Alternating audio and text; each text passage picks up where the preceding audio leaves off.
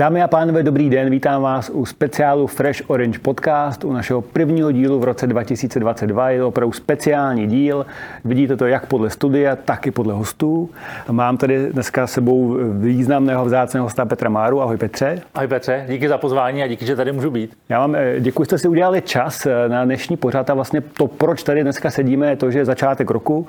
Eh, tak jak bývá zvykem, začátkem roku lidi trochu jako bilancují a zároveň koukají dopředu a přemýšlí o tom, co ten nový rok jim přinese, tak jsme si říkali, pojďme udělat něco podobného my a podívat se nejenom na náš jako biznis, jako na pojištění, ale obecně na, na společnost a věci, které čekáme, že se budou dít. Eh, Petr Mára tady není náhodou. My jsme spolu eh, v červenci roku 2020 vlastně spouštěli NN Orange řadu produktů, vlastně novou produktovou řadu nové NN. Bylo to vlastně v té době naprosto jako mimořádný, protože nikdo nikdy předtím asi nespouštěl během léta nějakou významnou produktovou novinku a, a to období, ve kterým jsme se eh, nacházeli, byl naprosto mimořádný a uh, musím říct, že vlastně ty jsi byl po celou dobu náš jako partner takového toho vstupu do online světa, takže díky za to a díky za ten čas, který jsi dneska pro nás udělal. Já díky za tu důvěru, bylo to moc fajn u toho být. Tak a jestli můžu zeptat, jestli se můžeme podívat zpátky, my jsme se bavili před chvíli o tom, jestli to vlastně dva roky, roka půl, vlastně eh, od té doby, co začal covid, tak jestli vlastně si můžeš ty říct, co to pro tebe to období znamenalo, jako jak moc se změnila tvoje práce a co ty vlastně čekáš od roku 2022? Máme dost času, abych to... Máme dost času. Hele, za mě COVID asi změnil nám všem život do zásadně. Jakoby i přístupem, co očekáváme od života, co dává smysl, co je pro nás důležité a tak dále.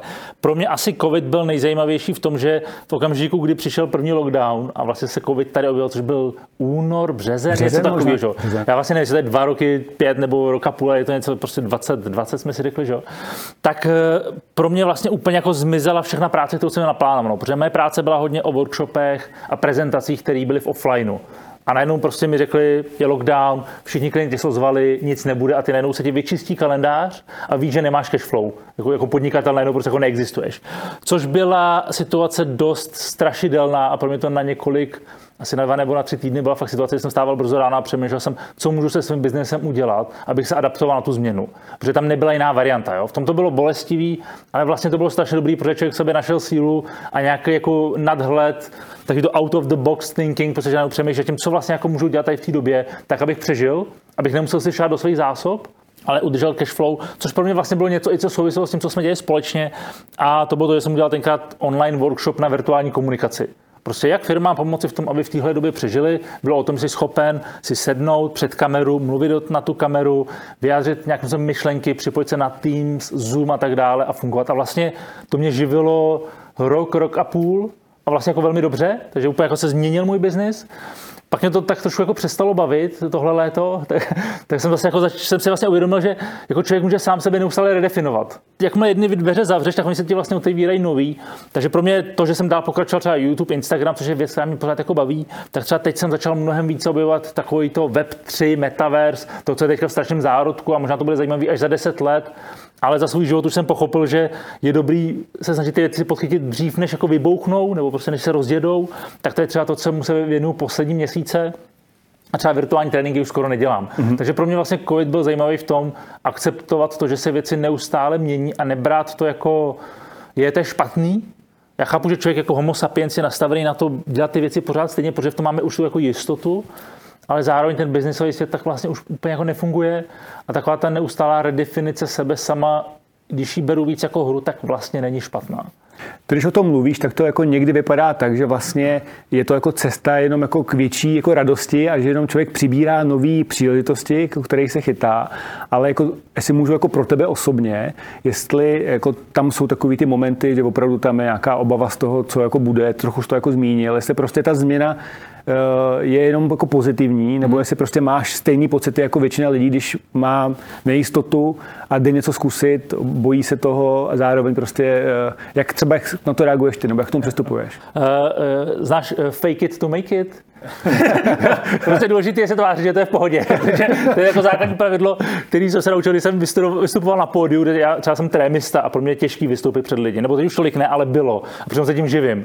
To je prostě jediný pravidlo, který ví, že tvář se sebevědomě, on to nepozná. Ale vevnitř víš, že to bolí a že máš strach, že je tam prostě určitá obava a tréma, stres. A samozřejmě tady jako změna to sebou vždycky přináší. A ne, rozhodně bych netvrdil, že to je jednoduchý nebo něco, co, co si člověk užívá. No většinou platí, že když je začátek roku, tak to jako často je takový umělý jako předěl, ale je pravda, že řekl bych, že letos opravdu se ke konci toho předchozího roku naakumulovala jako řada změn.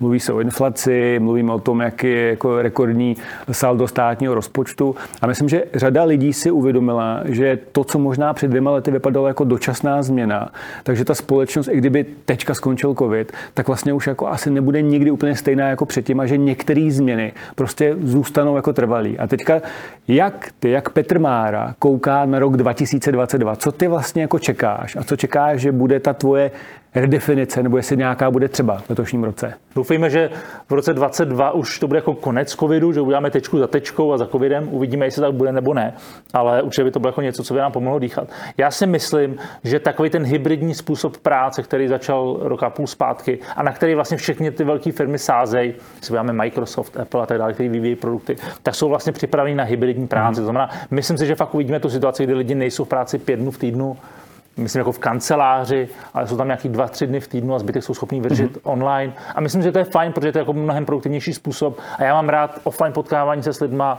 ale zároveň mi nevadí udělat tři rychlé meetingy online a nemusím si po Praze a starat mm-hmm. se, řekněme, čas v dopravě. Jo. Že myslím si, že tady to zůstane a myslím si, že to je fajn. Myslím si, že lidi, jakoby, že, teď jsem přesně říkal, inflace, energetická krize a tak dále, že pořád jako ty média nám pumpují do hlavy ty strachy, které nás mají jako trošičku utlumit.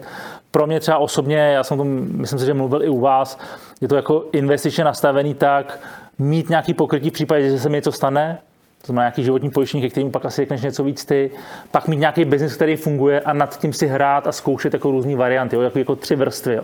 Protože moje představa jako otec od rodiny je, že tu rodinu prostě vždycky musím uživit. Jo. Kdyby se mi něco stalo, tak potřebuji nějakou jistotu, že o tu rodinu bude postaráno. Pak je ideální mít nějaký biznis, který ví, že bude fungovat v různých dobách a ten maličko modifikovat, když je potřeba, jak jsme se bavili předtím. A pak mám tak jako šílené věci, které jako víš, že možná za deset let budou mít nějakou hodnotu a teď se jim jenom jako zkouším věnovat. Jo. Já možná poprosím uh, diváky, posluchače, vlastně my za chvíli dáme prostor na jako živý dotazy na Petra, takže uh, pokud uh, přemýšlíte nad tím, co vlastně z toho, co Petr říkal, nebo co o něm víte, co by vás mohlo zaujmout a mohlo vás obohatit ve vaší práci. Já to možná skočím. No. Jak, to máš, jak to máte vy? Jako, co pro tebe to bylo, co pro vaši firmu? Protože jo. pro vás ty roky taky nebyly jednoduché a my jsme se vlastně poznali při, no. uh, v tom 2020, že, při spouštění vašeho produktu. Jako pro všechny to bylo období velkých změn, prostě my jsme se museli přizpůsobit nové situaci, spustili jsme nový produkt, úplně novou kapitolu, tak už jsem jako říkal, ale vlastně pro nás to bylo jako opravdu úspěšný období. Eh, máme radost, jakým způsobem byly jak služby, tak produkt přijatý našimi obchodníma partnerama, poradcema. Eh, tady v té souvislosti mi velkou radost udělalo NPS průzkum, který jsme nedávno na poradce spouštěli a ukázalo se, že hodnota 76, kterou jsme ani nevěřili snad, že je možný jako prakticky někdy získat. Takže 76 je dobrý. 76 je fantastický. Říká se, že nad, jako nad 0 je to dobrý, nad 50 je to jako hodně dobrý a nad 70 eh, se říká, že prostě jako lidi mají prostě vás hrozně, eh, hrozně rádi, takže to není vůbec, že bychom se chtěli chlubit, ale je to prostě pro nás nějaký potvrzení, že tou cestou, kterou jdeme a víme, že máme spoustu věcí, ještě chceme vylepšit a víme, co chceme dělat dál, tak prostě jako máme z toho radost. Takže byl to vlastně jako dobrý rok. Jo, museli jsme se přizpůsobit, jinak komunikovat, jiné věci jako, eh, prezentovat jinou cestou, mm. ale vlastně bylo to dobrý. Vlastně posunulo nás to všechny dál. A myslím, že i tomu odvětví celému to jako pomohlo. To je strašně zajímavé, protože pro mě ty poslední dva roky biznisově vlastně byly taky nejlepší. Jo? I když jako první předpoklad, když by si rok před covidem věděl, že přijde covid, tak spíš budeš očekávat, že to bude vlastně nej, nejhorší období. Ale vlastně, když se člověk dobře adaptuje, tak máš podle mě ohromnou příležitost, protože stejně jako všichni ostatní začínáš nějakým jako na začátku nového startu a když ho dobře pojmeš, tak můžeš vítězit rychlejš, když jsi za těch kolejích. Jo? Protože já pořád dělám technologie, ale jenom na ně měním různý úhel, různý pohled, ale pořád je ta podlinka stejná. Jo? A vlastně tím, že tu technologii nebo ty technologie vezmu a nabídnu něco nového, tak mi to dává lepší startovací pozici, jo? což je pro mě výhoda změny. To velmi podobný mají naše obchodní partneři, protože víme, že poradci začali jako komunikovat online, často s klienty mít online schůzky, vlastně jinak přistupují k čase. Hmm. Jo, jako opravdu si ho skutečně jako víc vážej, bych řekl. Hmm. Jo. Opravdu sice každý dělá to samý jako dřív, ale vlastně je to jinou formou, často. Hmm. Takže to je, jako musím říct, to asi je velmi podobné, když na první pohled eh, my jsme ten konzervativní svět a ty vlastně reprezentuješ něco, co jako z podstaty věci je takový jako dynamický symbol. Divný můžeš tím no, tak to nemůžu. to můžeme říct navzájem a možná, jestli teda můžu vlastně k tomu se vrátit, protože ty jako často v těch podcastech mluvíš o tom, jakým způsobem třeba ty přistupuješ k investicím, že opravdu jako to bereš často jako hru a kryptoměny a podobné věci. Jaký třeba pro tebe jako ten produkt, který jako my děláme, jako jak ty vnímáš ten jakoby náš svět?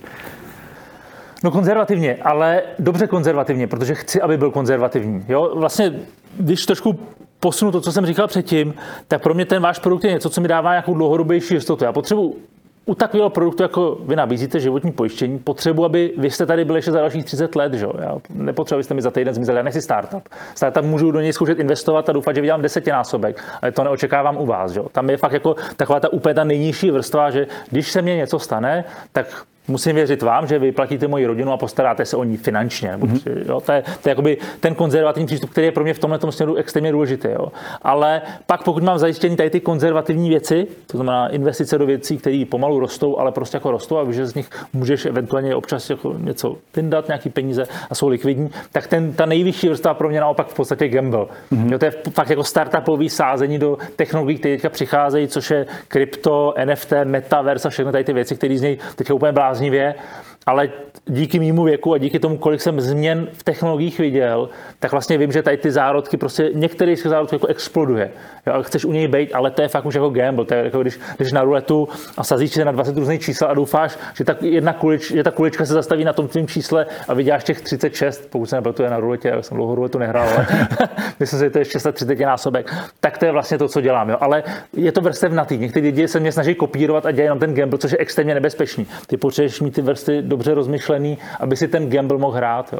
Na druhou stranu, vzhledem k tomu, že ty děláš technologie, tak ten gamble možná není úplně tak čistý gamble, jako by ano. to bylo pro mě, protože ty znáš ty všechny nové stroje, které vznikají. Jo? Jako ano. kdybych to dělal já takhle slepe, tak je to asi opravdu ten pravý gamble. Tohle já, je takovej... já to radši tak říkám, protože uh, jsem opatrný z jako influencingu, že lidi kopírují, co děláš, jasně. ale samozřejmě já sázím na to, že budoucnost bude technologická. Myslím si, že to je velmi pravděpodobný. Tím pádem se snažím odchytit firmy nebo trendy, které v tom technologickém světě porostou. Jo? Takže nevnímám to úplně jako gamble, vnímám to jako jako sázku vlastně, ne, ne, ne jako čistou loterii, ale vlastně jako, že věříš, ano, že, to... že dokážeš ohodnotit nějaký potenciál něčeho, přesně protože tak, jsi prostě trochu tak. insider. Jo, jo. Přesně tak to vnímám. Jo? A přijde mi strašně zajímavé tohle objevovat a samozřejmě jako vyhledávat ty nové příležitosti. Mm-hmm. Ale znovu opakuju, je to několika vrstev na ten systém.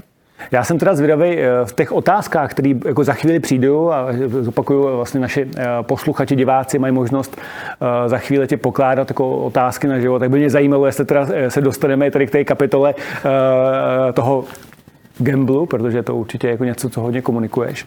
Možná, jestli můžu ještě zpátky, jako obsluha klienta, jo? Mm-hmm. vlastně ten Životní pojištění patří mezi jako tradiční produkty, prostě tady dlouho je a přesně z toho důvodu, který popisuješ, prostě my jsme ten padák, my jsme ten airbag v autě, prostě ty ho potřebuješ, aby tam byl, i když na ně pořád nekoukáš, ale když přijde ta chvíle, kdy ho potřebuješ, tak prostě potřebuješ, aby zafungoval.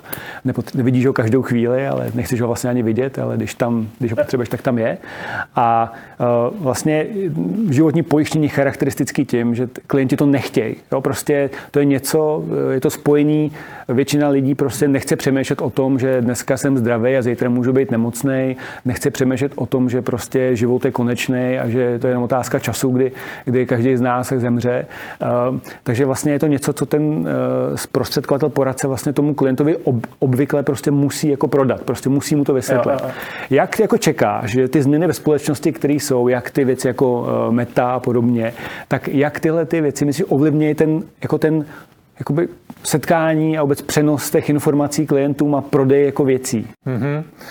Zajímavý. Um, já si myslím, že forma komunikace bude se víc posouvat do něčeho, o čem se teď mluví jako Web 3.0, že my jsme takovou tu první generaci webu, to byly taky ty webové stránky static, statické, kde se prostě si mohl jenom číst. Teď máme Web 2, to jsou ty sociální sítě, na kterých všichni fungujeme. Používáme Instagram, Facebook, některý z vás možná používají TikTok na to, aby jako promovali své služby, Twitter a tak dále. A ten Web 3 je víc jako metaverse, tak jako, že možná máme virtuální realitu, brýle a tak dále, což pořád může znít jako extrémní science fiction, ale když se člověk podívá na to, co dělal Facebook, se přejmenoval na společnost Meta. Mimochodem, oni mají produkty, se jmenuje Oculus, jako virtuální e, brýle na virtuální realitu. Jejich aplikace byla tady ty Vánoce nejstahovanější na App Store. Mm-hmm. To znamená, jako získal jako ohromný boom, protože ty lidi byli doma ale chtěli komunikovat jiným způsobem. Jo. A přestože si myslím, že tam zdaleka nejsme, tak velmi pravděpodobně uvidíme nový projekty od Apple, které budete mít chytrý brýle, ve kterých budu mít nějaké jako informace navíc, to znamená, že si spolu tady povídáme, tady možná budu mít své poznámky, takže na nic nezapomenu, na co se tě chci zeptat, což teď mm-hmm. musím ještě mít pořád tady vevnitř, teď už to budu mít tady externě. Yeah. A myslím, že ten svět půjde tím směrem toho hybridu. To znamená, budeme se chtít potkávat offline, ale online komunikace to bude schopná lépe a lépe nahradit. Mm-hmm. Jo, asi se nám nebudou stávat ty situace, jak ty lidi prostě sedí před tou kamerou, před tím zoomem a za nimi je prostě buď to protisvětlo, nebo tam běhají ty děti, a což je naopak jako vtipný, ale už to bude, jako budeme schopni fakt jako být ve virtuálním prostředí a přitom budeme moct sedět doma, nebo budeme muset přemýšlet nad tím, jestli jsme si doma uklidili, protože to bude vědět na kameře. To je už jako co očekávám. A bavíme se jako o dekádách, jo? není to něco, co bude příští rok, ale tyhle ty klienti přicházejí. Mm-hmm. Přicházejí do toho vašeho segmentu, generace Z třeba hodně přemýšlí nad jako smyslem života, smyslem práce. A myslím si, že i víc si uvědomují prožitek a cenu toho prožitku a tím pádem i určitou jako memento mori, jo, vlastní smrtelnost. Jo. Takže myslím si, že možná dojde i k jako určitému posunu tomu, že nová generace bude i jinak vnímat to, co vy nabízíte, protože si uvědomují, že to je vlastně extrémně důležitý a že opravdu jako máme nějaký omezený čas, kdy tady, kdy tady fungujeme. Což přesně ty věci, ale globální oteplování a tak jako ty dlouhodobě největší hrozby přece jako v lidech zbuzují určitý obavy, které můžou vést k tomu, že přemýšlejí trošičku jak nad životem. Mm. Ty jsi říkal web 1, web 2, eh, web 3. Eh, pokud bych si představil, že já vlastně prodávám svou službu klientovi, tak jak vlastně dneska si představíš to portfolio, ty prezentace, kterou bych já měl mít s využitím jako těch nejvíce efektivních eh, dneska jako nástrojů pro komunikaci. Jo, kdybych Web 1 je, ještě chodí tam někdo, nebo to už jako... Web, web 1 už někoho nezajímá, ale na druhou stranu řada společností pořád je ve světě Web 1, to znamená mají web a jenom statické informace, jakoby nekomunikují. Jo, to je takový to, takový to jednosměrný vysílání. Jo. Myslím si, že většina z nás je v tom Web 2.0, kdy prostě jsme schopni komunikovat s těma klientama online, jsme schopni používat Zoom, jsme schopni používat sociální sítě, na nich prezentovat sebe sama svůj vlastní brand, svoji značku, kterou používáme dál k nějakému prodeji. Já vlastně dělám to samý, že? Protože budu si svůj vlastní brand, který jsem schopen následně monetizovat. Jo. A samozřejmě ve vašem biznisu je to plus minus podobný. Prostě vede to k nějakému prodeji, protože vás lidi poznávají. Jo. A myslím si, že řada lidí se to teďka učí. Ten Web 3 zatím to je jako spíš taková vize, na čím je dobrý přemýšlet, ale asi jako bych do toho teďka neinvestoval eh, velký peníze získat jakýkoliv prezentace. Ale myslím si, že to, k čemu to vede, je, že každý z nás se stává médiem. Prostě zatímco, když jsme měli jenom noviny a co bylo napsáno v novinách, to je pravda. Jo, a sami vidíme, že dneska dneska situace už každý na, na Twitter může napsat, co chce, ale každý se zároveň stává prostě novinama, prostě mediální agenturou. Jo? A myslím, že tahle doby nějakým přemýšlet, uvědomit si, co člověk dává ven, tak ten klient nějakým způsobem vnímá a hledá, jestli, jsme, jestli mluvíme stejným jazykem, to znamená, jak se oblíkáte, jak trávíte prázdniny, dovolenou, je pro vás důležitá rodina, nebo jsou pro vás důležitý drahý auta a toho jako inklinujeme k lidem, od kterých chceme kupovat. Jo? Takže bych velmi přemýšlel nad tím, jakou online prezenci, jak se prezentujeme v online podobě, protože to samozřejmě k nám láká klienty s podobným DNA a samozřejmě to umožňuje ten další obchod. Nebejt dneska online je podobně úplně jako být schovaný pod kamenem, jako, že prostě neexistují. Mimochodem, jak je to u vás? Jako, jak ty vidíš 2022? Hele, eh, pro nás je to rok, na který osobně se jako těšíme hodně, protože uh, minulý rok patřil hypotékám, prostě byl obrovský boom. Mimochodem, to byla jedna z těch věcí, hmm. kterou kdybych hmm. jsme se bavili dva roky zpátky a začal covid, tak kdyby s někomu řekl, jako jestli dojde k hypotečnímu boomu a, a lidi se budou víc půjčovat uh, uh, na bydlení, tak by řekl, to je přece jako nelogický, jo? ale to je na ty doby hrozně hezký. Hmm. hmm. A my čekáme, že a ten letošní rok bude jako rokem renesance životního pojištění. Ten produkt hmm. přesně z toho důvodu, který jste si hmm. říkal. Hmm. Prostě lidi se nemají, nemají přestat snít, mají si jako věřit, ale prostě potřebují nějakou základní, jako základní padák pro ten život. Souhlas. A já se strašně těším na to, že to životní pojištění vlastně na tom finančním trhu je vlastně už jako od počátku, co prostě přišel, eh, přišel kapitalismus jako v Čechách. A vlastně ta jeho role se mění. Jo? Že vlastně na začátku to byl produkt, který byl víc používaný ke krytí nějakých jako rezervotvorných potřeb, jako hmm. na zajištění důchodu a podobně.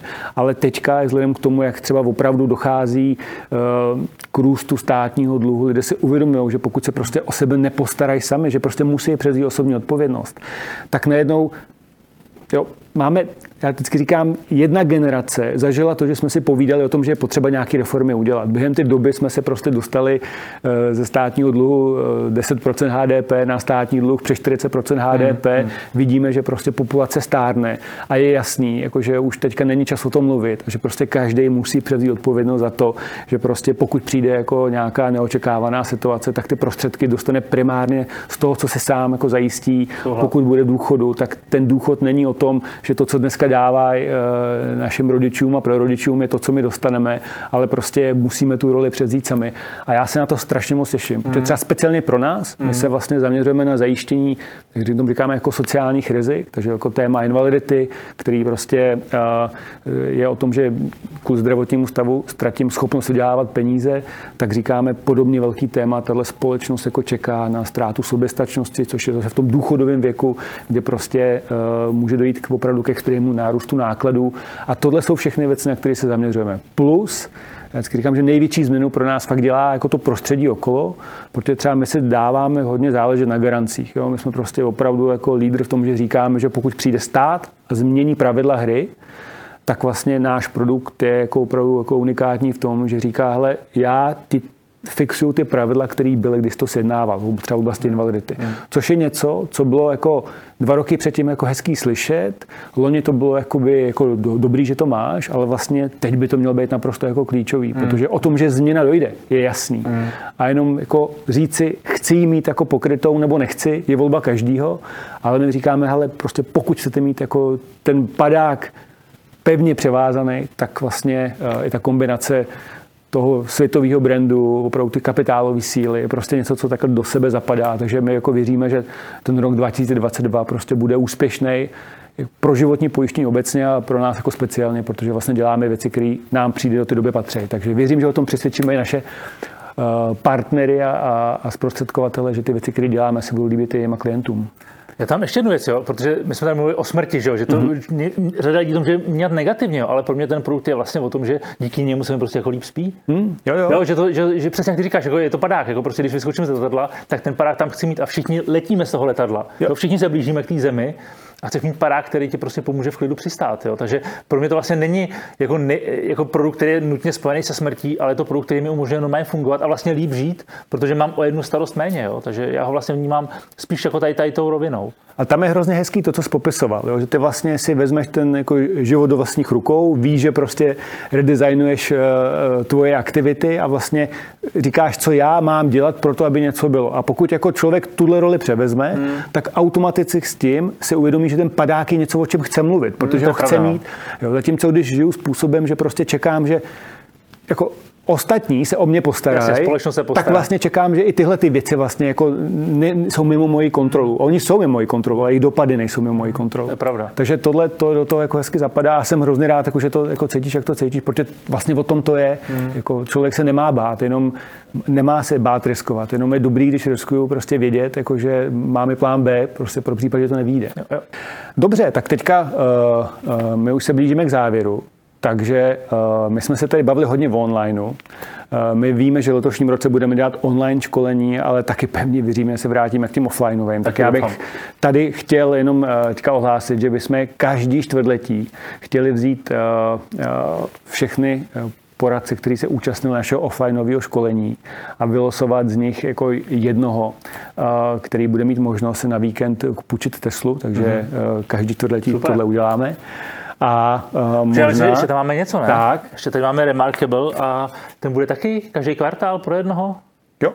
Tak jo, Remarkable zápisník, takový moderní, když nechcete používat papír, ale chcete používat technologie a elektroniku. Bez a každý si bude moct zapsat uh, ty fajn věci, které toho během toho roku zažil a pak si třeba o tom bude moct potom popovídat na konci. Tak jo, tak uh, já myslím, že nesmíme zapomenout na, aby jo. Účastníci odebírali tady ten podcast, to je jedna věc. Díky za to, tak jestli můžu já to vrátit, doporučuji taky eh, se podívat na středověk a odebírat středověk, eh, speciálně pro pány, to může být zajímavý. Že podcast, no, bychom doplnili. A já myslím si, že teďka můžeme mít na Zoom, ne? Přesně tak. Řekl jsem to dobře. Fantasticky. Super, jsi byl taky skvělý. Díky. Takže děkujeme za pozornost a uh, za chviličku na Zoomu otázky na Petra Máru, případně, případně na mě. Díky moc za pozornost.